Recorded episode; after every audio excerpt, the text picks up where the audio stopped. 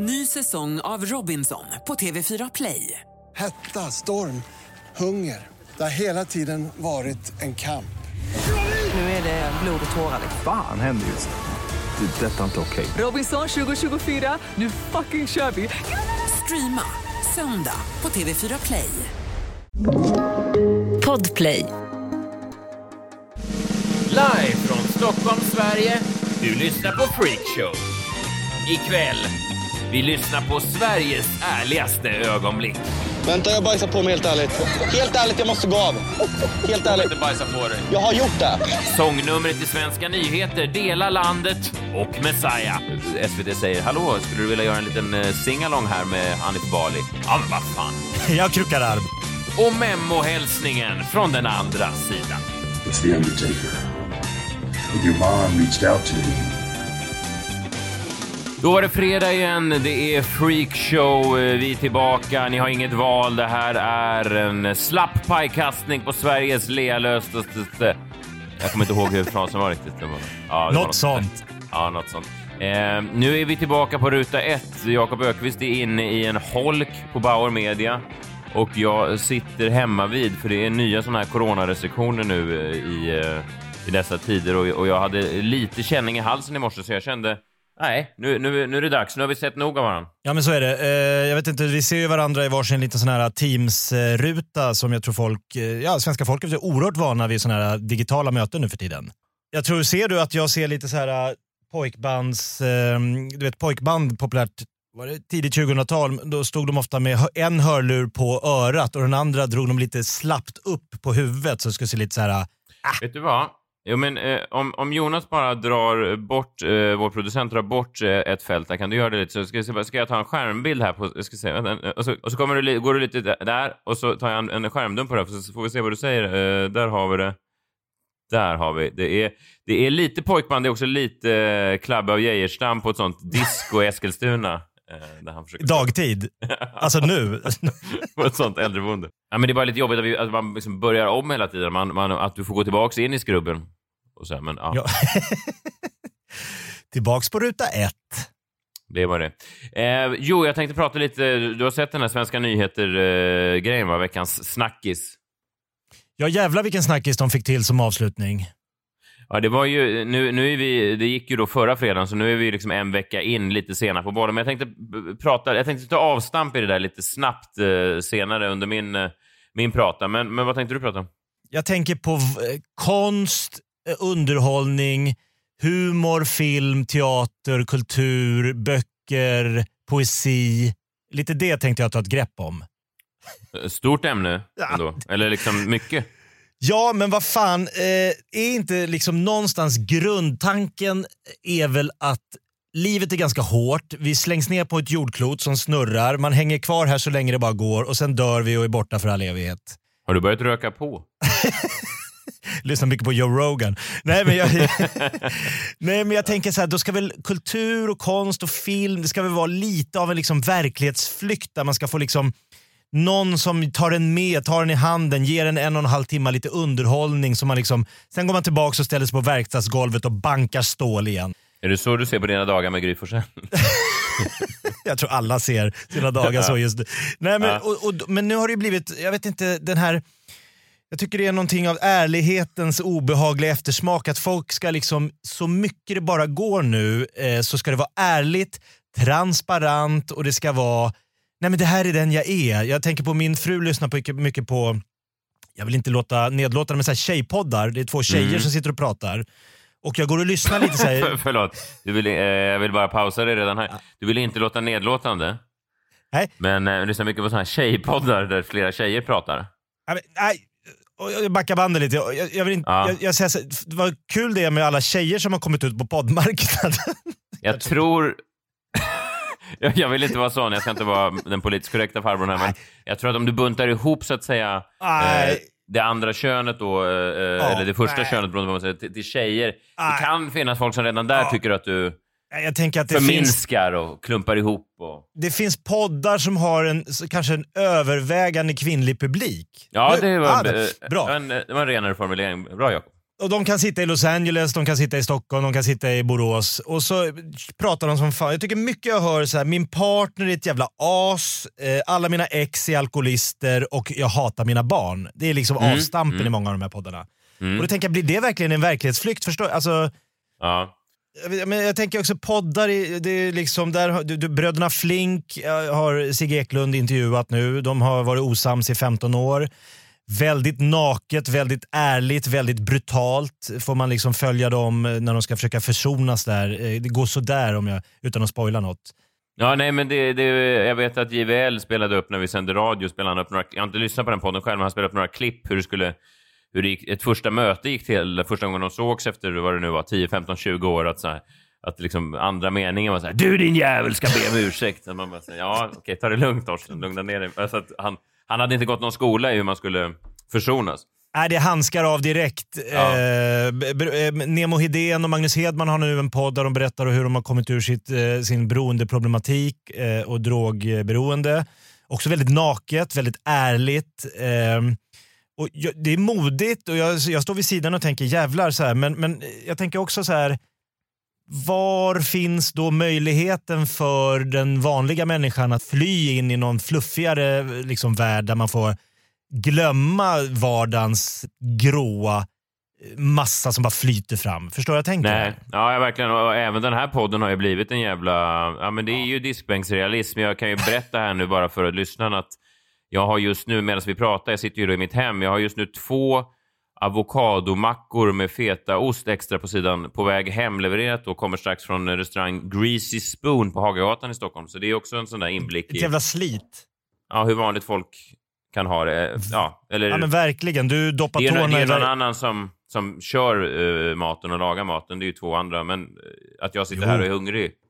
och- och- Ja. Det ska inte behöva hända. Nej. Och, men, ja, men, i, I stort så tycker jag liksom att det har blivit någon form att ärlighet och transparens är liksom ledorden. Jag jag ska bara fyra exempel här, eller två exempel ska jag dra. Musikvärlden och eh, tv-världen. Så här kunde ju låtar, eh, så här kunde man ju lyssna på låtar för några år sedan. Kommer, kommer du ihåg de här?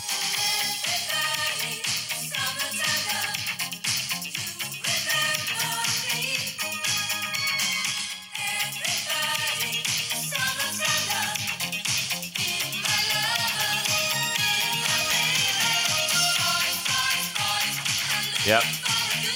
Förstår du? Eh, everybody, summertime love, you remember me. Eh, everybody, I just want you, boys, boys. Alltså hon vill bara ha pojkar, Sabrina. Ja, det, det, det låter ju så i alla fall på hennes... Ett Hennes sånger. enkelt budskap, förstår du? Ja, det är väldigt enkelt. Det, är, det tilltalar ju en eh, viss publik, absolut. Ja, och då tänker folk så här, ja men vadå, Sabrina, hon kanske också hade problem, hon kanske också var tvungen att hämta på dagis, hon hade inte alltid så jävla lätt, men det var inte det hon sjöng om. Nej, hon valde att, att, att skruva ner det och, Ja. och framhöll någonting annat. Ja. Men så här, dagens artister, de sjunger ju mer sånt här.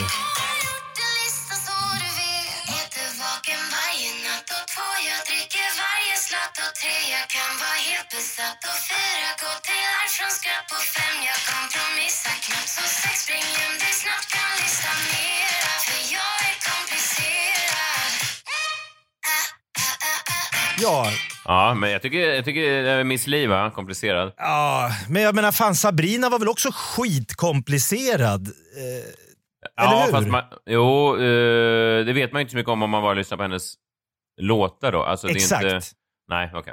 Nej, men det är samma, så här, Frank Sinatra, han var väl ett jävla as vid sidan av scenen, men det var inte det han sjöng. Han sjöng om han skulle ju, eh, slå igenom i New York, han, gjorde det sin, han tog sin väg. Eh, Elvis Presley, you ain't nothing but a hound dog, så knarkade han och var otrogen vid sidan om. Men det var inte det han sjöng om. Nej, hur skulle du översätta You ain't nothing but a hound dog då? Äh, du är ingen jävla varmkorv. Ah, Eh, gråter ibland. Du är ingen jävla varmkorv. Du har aldrig sett pengar, men du är ingen kompis. Nej, jag kan fan inte direkt översätta. nej, men du menar att det finns... Du, nej, just det. Nej, men det var i alla fall inte att han sjöng om att han och Pri- Priscilla hade det dåligt och att han råkade li- ligga runt på turnéerna och att han råkade snorta kokain och käka jordnötsmackor. Det tog han inte med i konsten. Nej, nej, utan det var mer varmkorvsfokuserat. Ja. Det, exakt så. men du ser en röd tråd att vi har gått ifrån liksom att det skulle vara glättigt, det var ballett, det var liksom svåra tider. Det var Ja. väl lite det som var liksom kulturens gärning. Och jag kan säga att det kan gå riktigt illa det här. Jag ska spela upp här två exempel. Det första exemplet är det, det jag vill tillbaks till, det gamla Sverige. Det här när man man kanske har gjort något jävligt dumt, men det tar emot. Man, man erkänner inte bara. Man, man är inte transparent, man är inte ärlig och jag gillar det.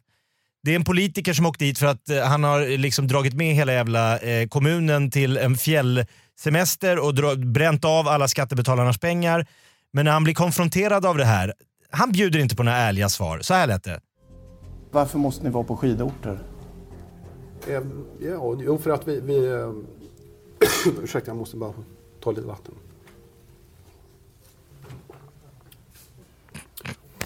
Jo, för vi brukar ju... Vi, vi, eh, vänta, ursäkta, får jag bara ta lite mer vatten?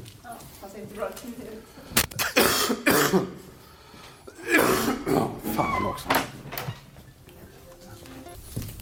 Så, Jo, varför måste ni åka till skidorter? vi, vi, vi gjorde det valet. Ja, varför gjorde ni det valet? För att vi skulle vara där och ha en arbetskonferens om, om kommunens målarbete. Men varför just en skidort?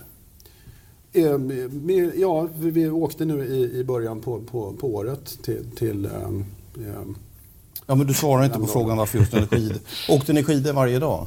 nej, vi åkte inte skidor varje dag utan vi, ehm, vi planerade i två dagar. Och vi hade en fri dag. Vi hade en fri dag. Eh, vässeltur och sånt. ehm, nej. Ursäkta. Ehm, Och så dricka med. Vi hade en, alltså en kväll, eh, den avslutande kvällen, så, så bjuder vi på en middag. Och det är helt i enlighet med, med ledningsgruppens eh, eh, Jo, men du svarar ju inte på frågan. interna nu. regler för hur vi... Eh, Men det här med vässeltur, alkohol. Varför ska skattebetalarna stå för det? men vi, eh, Vill du inte svara på den frågan? kan vi vänta lite? Kan vi vänta lite bara? Eh, ja, jag vet inte. De får väl... Eh, kan du ta om frågan? Ja, du ser, det, ingen jävla transparens här inte. Nej, nej, inte det han säger i alla fall. Sen kan man ju ana lite under ytan. Att han inte var helt nöjd. Jo, men alltså han, han, han vet om att de har i alla tider bara brä, blåst skattebetalarnas pengar på olika konferenser. Det ska han, nu den här nya liksom, Aftonbladet, Expressen, TV-journalistiken där man vill ha svar på frågor på samma sekund. Han, han spelar inte med i det spelet. Jag kan i och för sig, eh, det här har jag tagit upp massa gånger i olika sammanhang, men jag kan fortfarande förbryllas över att folk blir så upprörda när det kommer fram att politiker fifflar undan eh, skattemedel. Alltså det, men vad tror folk att politiker håller på med hela dagen? Alltså är, man inte, Nej. alltså är det inte, är inte själva förutsättningen för livet att folk på olika sätt försöker rövknulla en till höger och vänster? Alltså jag tänker att det är det...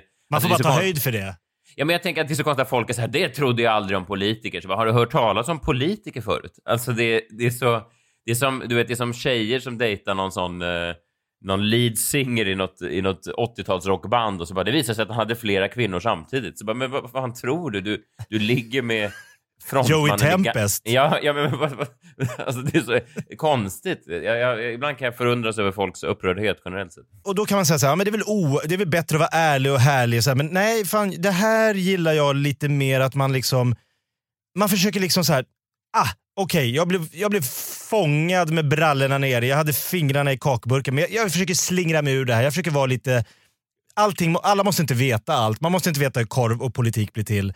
Eh, för annars så slutar vi och hamnar vi, det är min slutpoäng, att då hamnar vi i det här superärliga, när man till och med är tvungen att vara superärlig i en lekprogram och liksom bjuda extremt mycket på sig själv.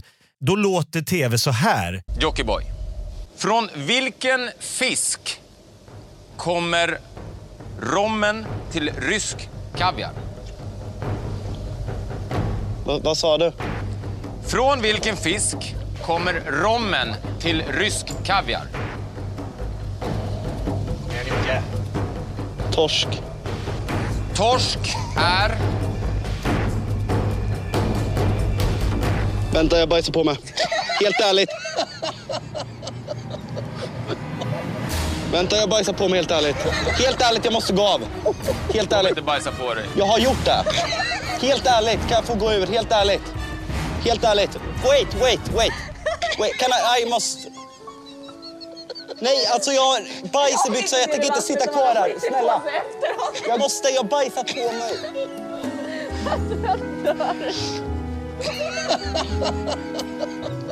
Eh, vad är det som händer Jockiboi? Jag har bajsat på mig. Du har bajsat på dig. Jag har bajsat på mig helt ärligt. Eh, vill du eh, avsluta tävlingen här då? Ja. Okej. Eh, jag- jag säger hej då härifrån till dig. Alltså är det den här världen vi vill ha, Messiah Hallberg? Nej, jag har många frågor. Det var Mårten Andersson var det som ledde, ledde programmet. Ja, jo, bara en sån sak. Men alltså just den här enormt liksom, eh, genomskinliga, transparenta verkligheten där allt ska, ska liksom, till och med ett lekprogram i tv ska solkas ner med 100% ärlighet. Nej, nej, du har nog rätt där. Sen sätter jag tänker på här nu, herre jävlar, det var ju det här, jag tänk, funderar på om jag inte kunde den där frågan heller. Har du kollat upp vad rätt svar är? Är det, är det stör? Ja, Det är alltså stör som ska in på vågrätt 3. hör det Mårten Andersson? Freakshow presenteras denna vecka i samarbete med Enkla Elbolaget och deras elfond Relaxa. Ja, eh, det som är grejen då med Enkla Elbolaget är ju att de vill göra det enkelt för dig i en så annars krånglig elbransch. Med Enkla Elbolagets elfond Relaxa ingår allt från start. Se till att få det bästa elpriset över tid utan att du behöver gå in och göra aktiva val. Det är inga krångliga val, inga pristillägg. Du får 100% klimatklok el från förnybar energi och så kan du lägga tiden på något roligare än att välja elbolag för det är ju ärligt talat inte alltid eh, så kul. Till exempel lyssna på oss är ju då generellt sett roligare. Om man får vara sån. Om man får säga det om en sponsor. Ja, men det tror jag man får säga. Ja. Jag tror att Enkla Elbolaget är fine med det. Eh, det du kan göra då, eh, det är att du går in på enklaelbolaget.se podd. Då skriver du podd med två D, P-O-D-D. Och teckna elavtal innan året är slut så får du ett eh, superpresentkort värt 500... Vad sa du? Ett presentkort? Ett superpresentkort. Vad skiljer det från ett vanligt presentkort? Det är mer super. Ah. Alltså presentkort är presentkort, men ett superpresentkort värt 500 Vet du vad kronor. Jakob? Förlåt, jag har aldrig ägt ett superpresentkort. Ja, men det ska du göra då. Teckna dig för Enkla Elbolaget. Presentkortet gäller i mer än 150 olika butikskedjor och för spännande upplevelser bland annat. Tack så mycket, Enkla Elbolaget. Ny säsong av Robinson på TV4 Play. Hetta, storm, hunger. Det har hela tiden varit en kamp. Nu är det blod och tårar. liksom. Fan händer just nu. Det. är Detta är inte okej. Robinson 2024, nu fucking kör vi! Streama söndag på TV4 Play. Ett poddtips från Podplay. I fallen jag aldrig glömmer djupdyker Hasse Aro i arbetet bakom några av Sveriges mest uppseendeväckande brottsutredningar. Går vi in med hemlig telefonavlyssning och, och då upplever vi att vi får en total förändring av hans beteende. Vad är det som händer nu? Vem är det som läcker? Och så säger han att jag är kriminell, jag har varit kriminell i hela mitt liv men att mörda ett barn, där går min gräns. Nya säsongen av Fallen jag aldrig glömmer på Podplay. Förra fredagen, Jakob, så låg jag i sängen. Eh, klockan var väl 11, började närma sig midnatt och så såg jag hur det började delades på sociala medier. Det började eh, ticka upp olika notiser. Folk sa briljant, gudabegåvat och så vidare. De, de hyllade ett, ett speciellt inslag. Just det, jag har inte sett en sån febril eh, liksom, aktivitet sen Grotescos eh, nedstängningssång. Där, va? Ah, ah, påminn mig inte. Det, det här jävla... Varje gång någon i Grotesco är involverad i något sånt sångnummer eh, så, så går folk eh, bananas. Men, men, eh, nej, men jag, så, så jag, jag eh, motvilligt klickade då på länken som alla delade. Det var ju då ett klipp från eh, Kristoffer Appelqvists eh, Svenska nyheter som hade säsongsavslutning förra fredagen. Eh, det var ett, ett, ett klipp då där olika representanter för olika sidor i det politiska landskapet sjöng tillsammans någon slags We shall overcome-låt, någon slags öppna landskap-variant. Ja, men det var ju profiler som Hanif Bali och eh, Göran Greider och Annika Strandhäll och eh, ja, men diverse arbetare i den här underhållningsformen som kallas för svensk politik. Just det. Och eh, det gick ju inte eh, mer än några sekunder innan jag blev förbannad. Oj. Nej, men jag, jag såg på det här, det, det första som såg det här, det var ju då komikern i mig, och komikern i mig förstod ju direkt att det här är guld. Alltså det här är ju eh, genialt, det här är ju svinkul och bra. De har och, slagit eh, an på en sträng. De har slagit an på en sträng och eh, jag är ju inte eh, sämre än så att jag vet att när jag blir förbannad när jag ser ett humorinslag så är det eh, 99 procent av gångerna för att det är bra och för att jag inte tänkte på det själv och för att jag inte är involverad och sådär. Alltså en, eh, en ren eh, irritation från min sida att, att någon annan får skina. Någon hann före, ja. ja. Och speciellt när det är musik involverat, för det, då känner jag också att jag inte ens kan. Det är liksom en annan sport än det jag kan. Eh, så att varje sånt här jävla grotesco-nummer där de sjunger och dansar och gör olika musikalnummer och sånt där, då känns det som att det är, jag står där med min, eh, med min stav vid stavhoppsgropen och sen är det folk som slår världsrekord borta i, i längdhoppsgropen. Det är också svårt för dig att få till, det är klart du skulle kunna använda din Instagram-kanal då, men då ska du sitta och ringa runt till så här Jean Frick och, och olika... Jag har en idé till en rolig grej för min Insta. Alltså det är svårsåld. Alltså, Ja, ja, men det är det. det, är det. Det, är det. Så, att, så att som komiker betraktat så eh, tyckte jag det var eh, briljant och jag höll med om det och det var ju eh, roligt. Vi kan lyssna lite på hur det eh, lät. Ja. Göran, hör du mig? Göran, hör du mig? Nu ska jag verkligen försöka säga det jag måste säga till svenska folket. Jag trivs bäst med vänsterblivna i gemensam sagostund. Där folk vet hur man ska prata genus, ras och värdegrund. Jag trivs bäst bland Youtube-trollen som swishar mig en slant. Det är först när någon blir riktigt arg som jag är relevant. Jag trivs bäst i slutna kluster i min navel vill jag bo. Sjunger bra men det där är- Robert. Ja. Ja. Ja, men verkligen. Men det här var ju eh, väldigt roligt och sådär. Sen då eh, så lämnar komikern i mig eh, bordet och så kommer då kanske lite mer den politiska analytikern in, den politiska kommentatorn, alltså Messiah Hallberg utan all humor och så bara tittar han på det och så ser han vad är det som, vad är det som sker här egentligen? Och då kan jag förundras lite varför de här människorna ställde upp på det här. Alltså vad är det som lockade de här människorna till det här sammanhanget? Hur såldes det här in? Är inte det lite intressant? Jo, men tror... För att jag har ju sett mycket kritik och den starkaste kritiken har ju kommit av folk som har fått förfrågan och tackat nej och sen märkt att jävlar, det där blev en hit. Det är han Micke Lindgren från just Grotesco som har producerat hela den här, det här spektaklet. Vi kan lyssna på hur det lät när Micke Lindgren gästade SVTs eh, morgonprogram och han fick frågan lite just det där om det fanns folk som hade tackat nej. Men, men ändå otroligt att ni får så många av de här att ställa upp på det här. Vad, eller? Det måste vara Fantastiskt. svårt. Ja, jo, det var en lång, det var en lång uppförsbacke. Det var det. Eh, ju. Men jag tror att jag, jag ringde ju runt och pratade med alla och eh, jag fick en ganska positiv respons och så hade jag lite tur liksom, med att några klev på och då är det kanske lättare att få med andra. Och, eh, sen var det många som inte ville vara med också. Vilka vill inte vara med? Kan du säga? Eh, Ja, Gudrun Schyman till exempel var med först och var en av de första som, men, men valde sen Så hennes namn kunde du använda då och sälja in? Ja, ja, det gjorde jag. Men sen hoppade Gudrun och då var det så ah, rackarns. Och sen så, ja, Lamotte vill inte vara med. Ivar Arpi vill inte vara med. Nej, det var ju några namn där som inte ville vara med. Eh, lite intressant att Lamotte valde att inte vara med. Han känns ju annars som någon som gärna... Eh, in, han har inga problem med att synas. Eh, liksom. Men när man tänker på det här lite grann så, så tänker man... Bo, både man kollar, det var ju vänstermänniskor och det var högermänniskor som var med. Och jag undrar lite...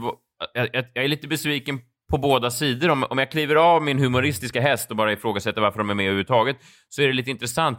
Eh, dels om man då tänker på högersidan, eh, Hanif Bali, Jens Ganman och såna här som, som eh, hälften av tiden vill lägga ner public service och säga att det är en propagandakanal.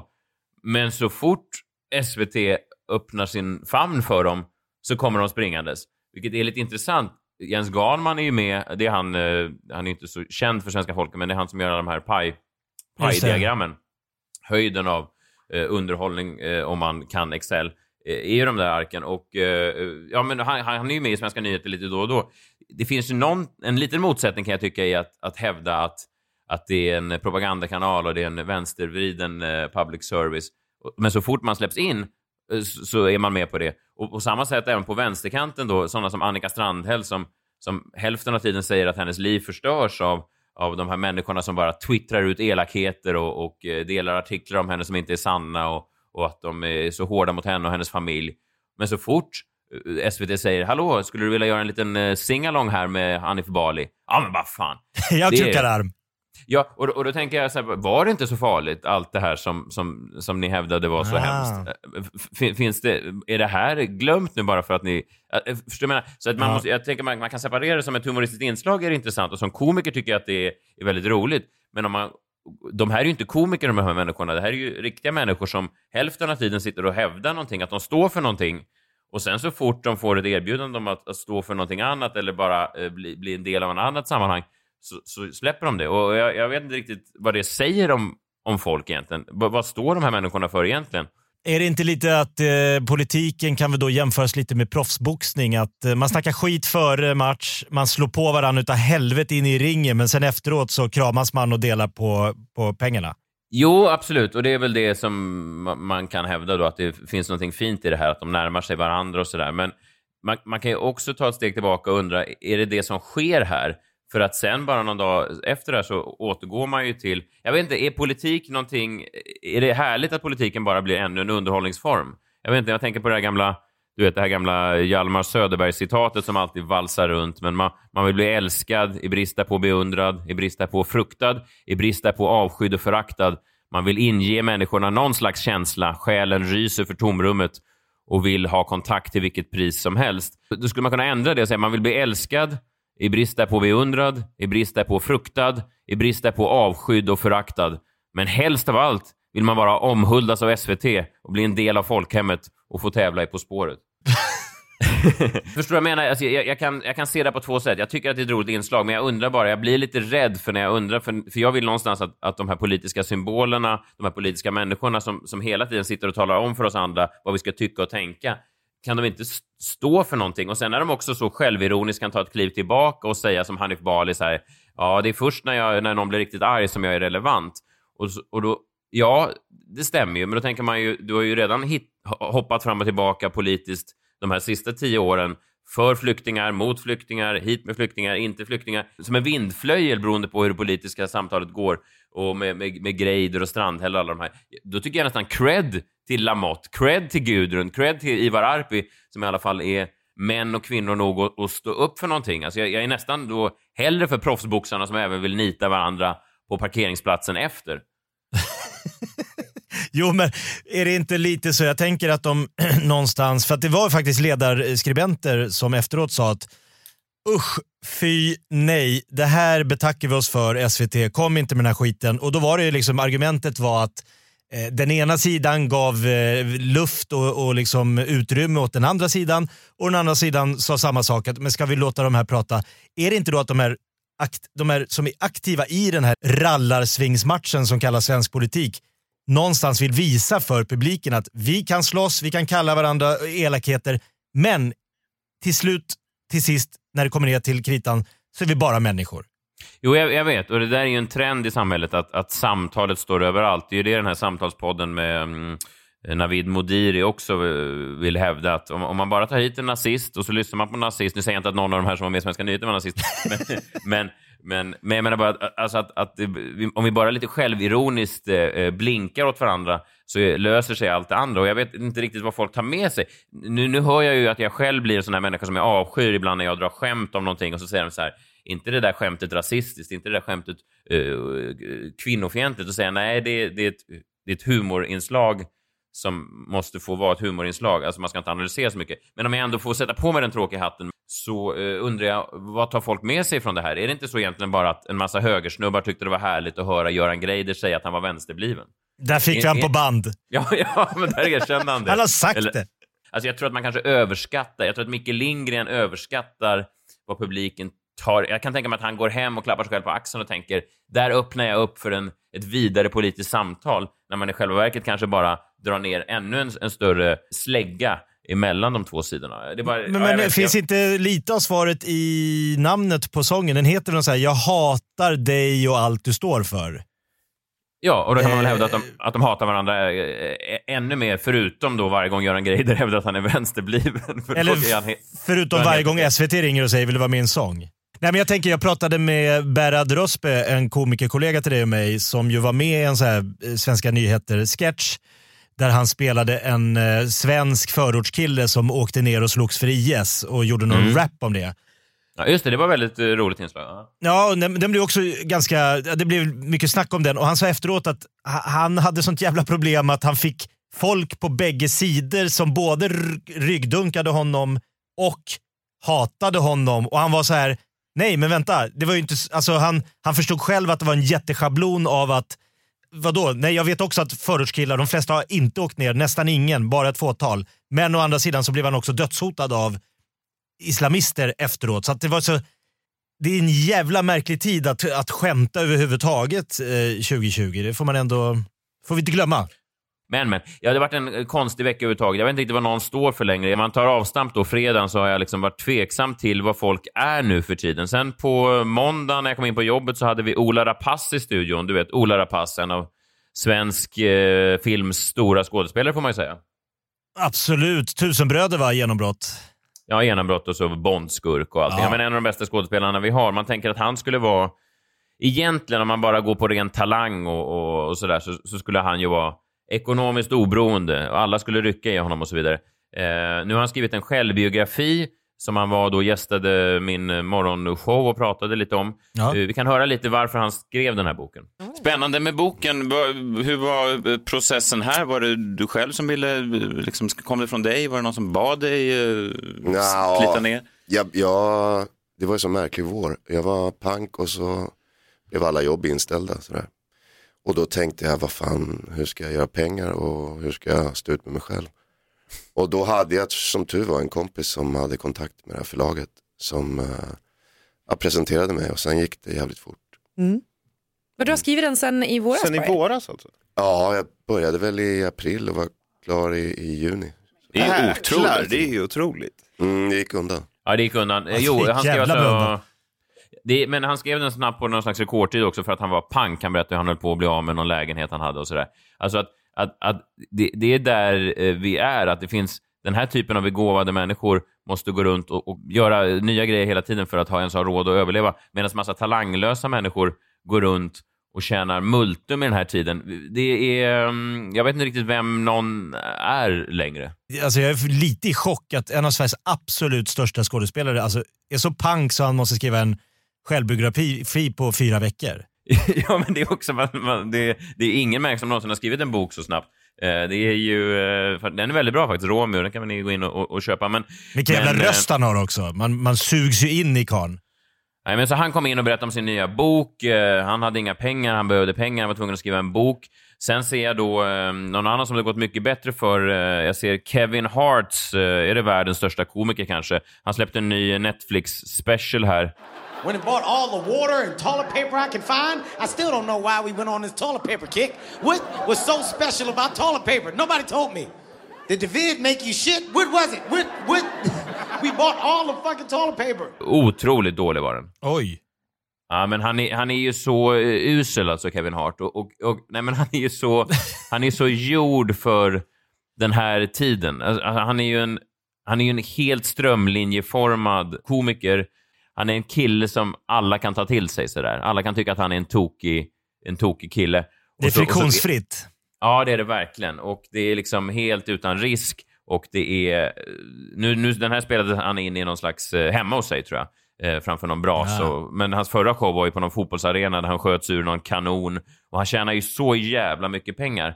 Och samtidigt så att jag läste en, em, en biografi om min eh, favoritkomiker som jag nästan alltid tar upp här, men Greg Giraldo, som Mm. dog för, för exakt tio år sedan nu här, eh, ja, förra månaden.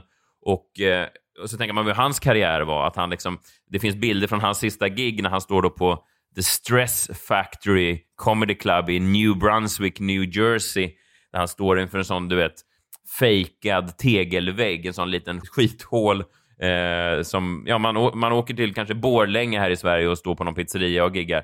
att liksom en av världens komiker, eh, bästa komiker slutar så. Varför ska alla amerikanska standupklubbar ha fejkade tegelväggar? Ja, det vet jag inte, men det började väl någonstans och sen så, så är det så. Men just att han stod där, sen gick han och tog en överdos och sen somnade han in på något hotellrum i New Brunswick, New Jersey, medan Kevin Hart bara kan pumpa ut tio år senare den här typen av mediokra produkter. Och då tänker jag, det är så synd om eh, the, the Greg Giraldos of the world och de Ola Rapace of the world. Liksom, de, de stod i alla fall för någonting, till skillnad från de här människorna i Svenska nyheter-videon. De stod ju upp för någonting och eh, de sa till, Ola Rapace sa också det, att han har stått upp för det han har trott på, han har bett producenter dra åt helvete och så vidare. Och det får han lida för nu, för att nu vill de här människorna kanske inte ha, ha med honom. SVT är, kanske kritiska till honom nu för att SVT-producenter, det finns gubbar där som säger så nej inte den där killen, han, han, är, ingen, han är ingen Jens Ganman som bara uh, flyter med, han är ingen vindflöjel, han står upp för någonting. Och uh, det där är ju uh, lite sorgligt. Det där kan man se överallt. Jag är ju wrestlingfan. Vet, känner du till The Undertaker? Är det karaktären som ska vara, eh, bara ta stryk i, i ringen? Ja, han är ju då eh, död. Ja, ja, jaha, oj. Ja, han dog ju då i en eh, svår olycka och så har han varit död då i 30 år och brottats samtidigt. Vadå, han har kommit tillbaks? Ja, men han är, alltså, han är ju... Ja, han började sin wrestlingkarriär efter att han var död. Åh jävlar.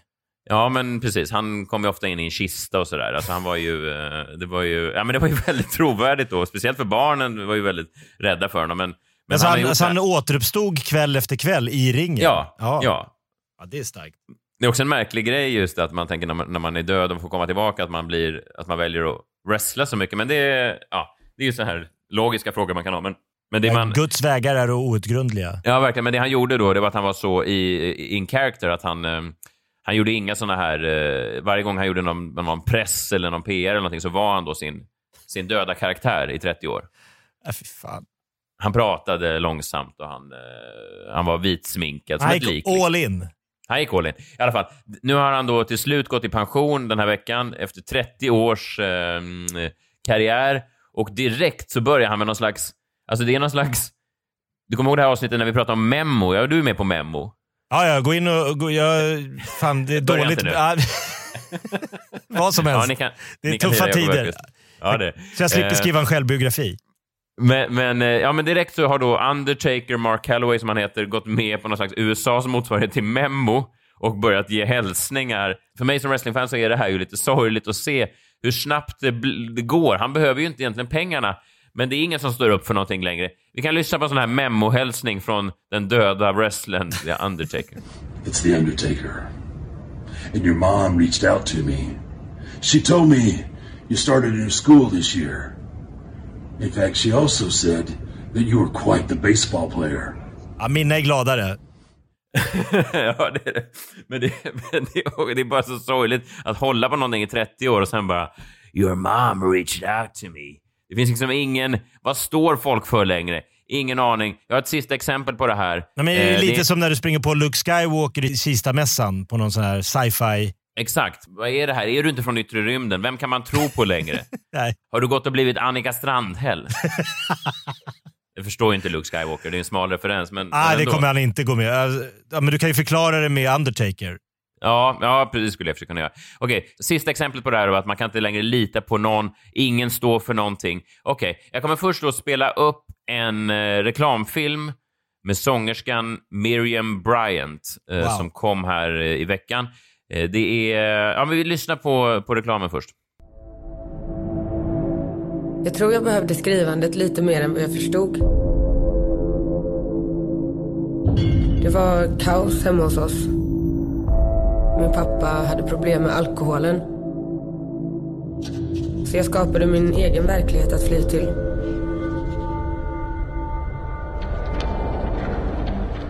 Han är nykter nu. Och tack vare att vi pratade om det så har vi hittat tillbaks till varandra. Att dela med sig av sina inre tankar. Det är som att kasta sig ut för ett stup. Men man får ta lite risker i livet för att komma vidare. Jag heter Miriam Bryant och jag är artist. Miriam Bryant, eh, en ganska stark eh, berättelse ändå. Hon berättar om sin pappa som då var alkoholiserad och Mm. som då tvingade henne att bearbeta det här genom att börja göra musik och utforska sitt, sitt artisteri. Det här är, ska vi vara tydliga med, det här är en eh, reklamkampanj okej. Som hon la ut. Då. Eh, först så stod det inget att det var en reklamkampanj, men sen var hon ju tvungen att gå ut och reklammarkera det. Vem, vem tror du ligger bakom den här kampanjen? Är det, du kan få två alternativ. Ja. Ja. Är det IOGT-NTO, Sveriges största nykterhetsorganisation? Det är ju en del av en världsomspännande rörelse som kämpar för att alkoholen inte ska stå i vägen för människors utveckling och hälsa. Eller är det kanske BRIS, Barnens rätt i samhället, barnrättsorganisationen som stöttar barn, mobiliserar samhället och påverkar beslutsfattare genom att göra barns röster hörda och nu inför jul vill göra folk uppmärksamma på att vissa barn inte har det så lätt när de stängs in med föräldrar med alkoholproblematik nu i juletid. Vilken av de här två tror du att Hmm. ligger, ligger bakom den här nya kampanjen med Miriam Bryant? Ja, alltså för det första tycker jag att IOGTNTO borde förkorta sitt namn. Alltså det är väldigt... Jag hade svårt att säga det även fast jag hade bokstäverna framför mig. ja, jag, alltså alldeles för många bokstäver. Det där måste de eh, snabbt som fan hitta en ny. Bara en TO, TO O, bara O. Men jag tror Mm. att det är dem i och med att det handlade om alkohol. Fel. Det är hemliga alternativ tre. Det är Brämhults nya juice, Take a shot. Efter att Miriam har delat med sig av den här ganska eh, hjärtskärande historien så panorerar kameran över Eh, ett bord och där står det då eh, små, små eh, shotsflaskor med kanske en ingefära-shot. Take a shot. Oklar koppling, men att man då ska sats man ska våga kanske ta upp kontakten igen med en, kanske en alkoholiserad förälder eller, eller satsa på artister. Det är lite oklart exakt vad kopplingen är. Men det, det som är fascinerande här är att Miriam Bryant då, när folk blir lite upprörda på det här samarbetet eh, i kommentarerna, hon förstår inte alls varför folk skulle bli det. Alltså, vi har kommit till en punkt nu när till och med sådana indieartister som Ian Bryant, de förstår inte varför man kan ifrågasätta om inte det här inkräktar på det genuina i budskapet. Ja, men det är helt otroligt där. Vi har, eh, oh, vi har inte haft någon koll alls den här veckan. Vi har suttit lite i karantän hit och dit. Och så kommer vi hitta liksom den här uh, samtidstråden som, som går som, ett, som en rött sidenband. Att, uh, fan, förr i tiden så sjöng artisterna om saker som kärlek och kanske ballonger och cirkusbesök. Och nu så sitter Miriam Bryant och berättar om sin fruktansvärda barndom med en alkoholiserad pappa och det övergår till en juicereklam. Ja, precis. Det, man saknar den här tiden när artisterna bara sjöng om cirkusbesök. Exakt! Vad tog de låtarna vägen? Ja, jag vet inte. Nej, det, det jag bara ifrågasätter till slut, om man börjar den här svenska nyheter-grejen, så tänker man, det är liksom, de riktiga artisterna, de finns det ingen plats för längre. Greg Giraldo är död, Ola Rapace, han blir av med sin lägenhet för att han står upp för någonting. Samtidigt så sitter de på SVT allihopa och bara lallar med för att, jo, vi står upp för någonting, men vi står inte upp för det så mycket att vi tackar nej till SVT för att värmen från folkhemmet är ändå varmare än att sitta på sin Twitterkammare och tycka för sig själv. Miriam Bryant, hon sponsras av ett juiceföretag bara för att, ja, det är väl så man tjänar pengar nu för tiden. Varför ska det inkräkta på min starka historia om min alkoholiserade pappa? Det är väl inga problem. Det finns liksom ingen som står upp för någonting längre. Man kan få en memohälsning från en död wrestler bara för att, ja, vad fan, lite extra pengar kan man väl kräma ur den här karriären. Är det ingen som står upp för någonting längre? Är det ingen som står upp för, för det de tror på? Är det ingen som vågar säga nej till smutsiga samarbeten? Det, det, det, det gör mig ledsen i själen bara. Det är Ja. bara det jag säger.